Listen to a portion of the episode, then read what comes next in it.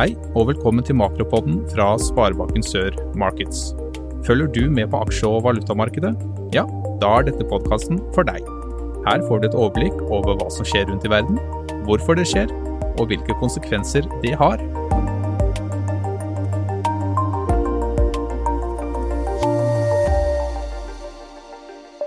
Da sier vi vel møtt til en ny episode av Makropodden fra Sparebanken Sør.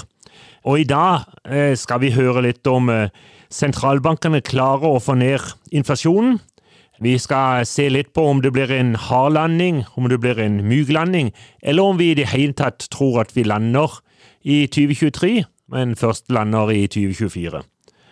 Økonomiene ser veldig sterke ut i øyeblikket nesten rundt hele verden, og foreløpig så ser det også ut som de tåler renteøkningene.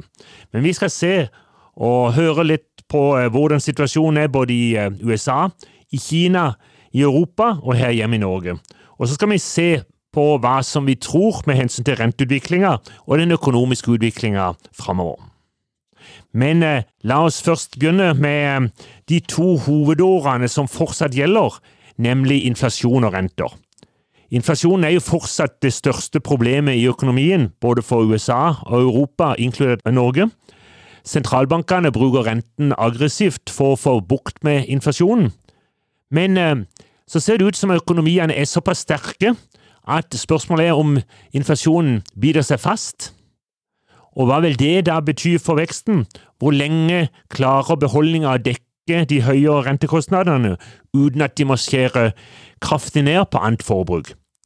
Vi så gjennom pandemien at eh, forbrukerne sparte veldig mye penger, og også gjennom både Biden og Trump-sjekkene i USA, så ble det mye penger spart.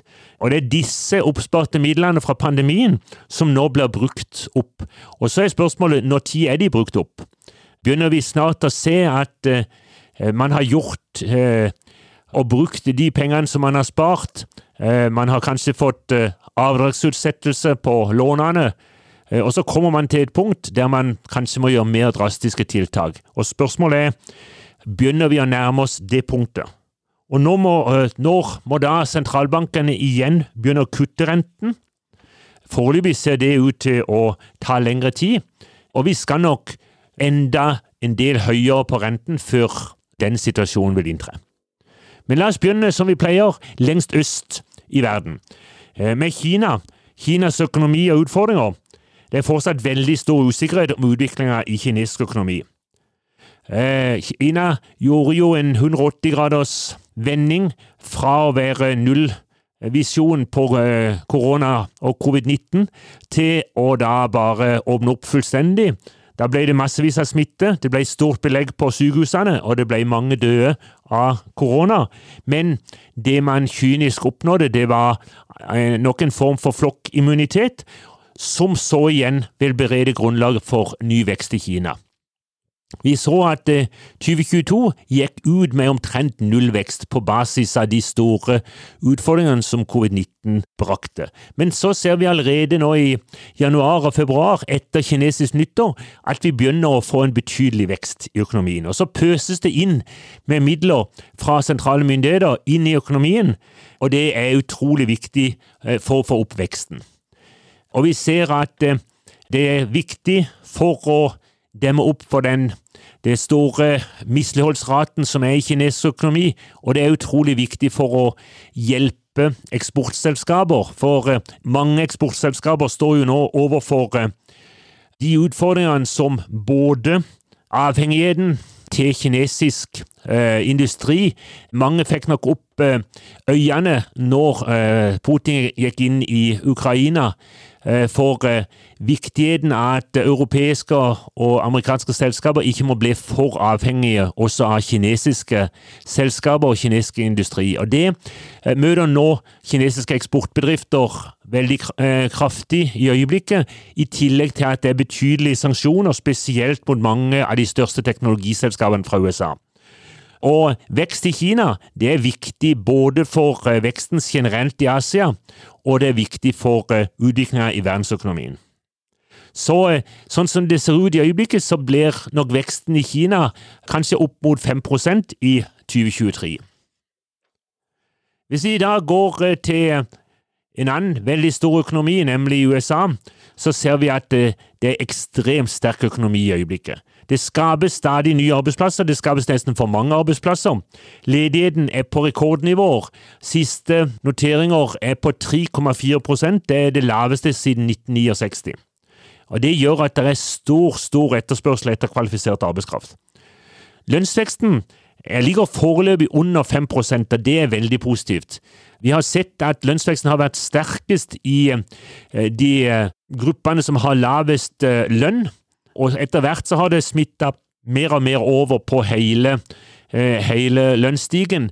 Men vi har, på tross av den sterke økonomien, så har vi fortsatt sett at tallene kommer på undersida av 5% og Det er viktig for hvordan lønnsøkningene biter seg fast, og hvordan da det vil eh, implementere en ytterligere gjennomgang av inflasjon, og at inflasjon biter seg enda mer fast i amerikansk økonomi. For inflasjonstallene er høye. 6,4% i løpende inflasjon og en kjerneinflasjon på 5,6 Eh, sentralbankrenten er jo nå kommet opp på 4,5 eh, men vi tror at eh, Fed, og det indikerer de selv også, kommer til å levere enda to og kanskje tre renteøkninger i månedene framover. Det vil bety fort at rentetoppen kan komme til å ligge sånn pluss-minus 5,5 og så vil det antageligvis ta mye lengre tid før amerikansk sentralbanken begynner å kutte renten enn det mange i markedet tror. Vi snakker nok fort om 2025 før eh, amerikanerne vil begynne å kutte renten igjen. Hvis vi går til Europa, så ser vi at eh, også Europa merker inflasjonsøkninger på kroppen. Stort sett så ser det ut som både europeiske forbrukere og europeisk industri og europeisk økonomi er blitt redda av den milde vinteren. God vekst i bruttonasjonalproduktet i Tyskland, arbeidsledigheten fortsatt lav. Og Det betyr at eh, frykten for resesjon i Europa i 2023 blir betydelig lavere. Men eh, inflasjonen faller litt, men er jo på skyhøye nivåer. Eh, vi ligger på 8,5% for januar, mens kjerneinflasjonen ligger på 5,2% Men det er langt ned til 2 Det kan vise seg at det er ganske greit for mange sentralbanker å få inflasjonen ned kanskje til 4 kanskje også litt ned på tritallet, men eh, veien fra det og ned på 2% det kan komme til å bli veldig lang og veldig vanskelig. Og så kan vi selvfølgelig, og det er nok noe som eh, politikerne begynner å tenke litt på, forsiktig nå, at eh, gjennom det grønne skiftet det koster oss noe mer, så må vi kanskje også tenke på skal eh, sentralbankene styre for seg etter 2% eller skal man kanskje styre etter 2,5% eller kanskje etter 3 inflasjon framover? Kanskje må vi akseptere at inflasjonen skal være litt høyere for å få gjennomført det grønne skiftet. Europeisk sentralbanken er jo de, en av de som er mest aggressive, og kanskje den sentralbanken av de største som er mest aggressive i øyeblikket. Eh, de satte opp renten med en halv prosent i februar. De kom nok litt på defensiven på ettersommeren i fjor, og har liksom gjennom høsten eh, og nå eh, vinteren virkelig vært på offensiven. Så vi tror faktisk at de kommer til å levere enda mer renteøkninger. Nå er sentralbankrenten i Europa på 3% og vi tror det kommer en ny halv prosent i mars. Og så tror vi at det kommer ytterligere 25 punkter i mai, og kanskje også i juni. Sånn at eh, vi kan komme til å, få en sentralbankrente i eh, Europa opp mot 4 Hvis vi da vender blikket til Norge, så ser vi at eh, arbeidsledigheten fortsatt er lav. Det går så det suser fortsatt i Norge. Vi er nede på 1,7. Vi har løftet oss fra 1,6% men eh, arbeidsmarkedet er meget stramt. Også her ser det ut som man redder seg en mild vinter. Dermed så blir det ikke de uh, Vi frykter litt permitteringer, vi frykter litt innstillinger og oppsigelser som følge av at strømmen ble for dyr. Gjennom den milde vinteren så ser det ut som at det Eh, meste da er redda, sånn at man har svelga de strømkostnadene som da kom. Men inflasjonen er fortsatt høy, og spørsmålet er jo veldig om eh, sentralbanken klarer å få ned den kjapt. Det er helt klart at eh, sentralbanken har veldig fokus på at eh, det største problemet det er å få ned inflasjonen. og Det er det som er deres mandat, eh, og da bruker de rentevåpenet. Inflasjonen for eh, januar var jo en totalinflasjon på 7% og en kjerneinflasjon på 6,4% og stor prisøkning på mat og tjenester.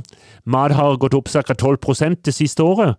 Og dette sammen med økning av husleier, som nå kommer inn for fullt. Nå får eh, vi inn eh, effekten av renteøkningene også i husleia, og det er med på liksom å sementere inflasjonen på et litt for høyt nivå.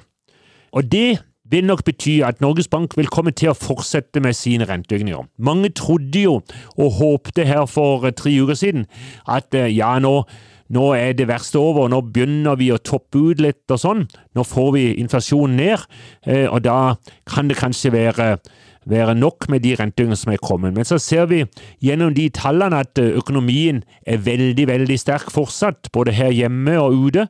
Og eh, når det også viser seg at inflasjonen heller går opp enn går ned, eh, så gjør det at, at sentralbanken neppe kan si det i ro, men kommer til å, å levere videre.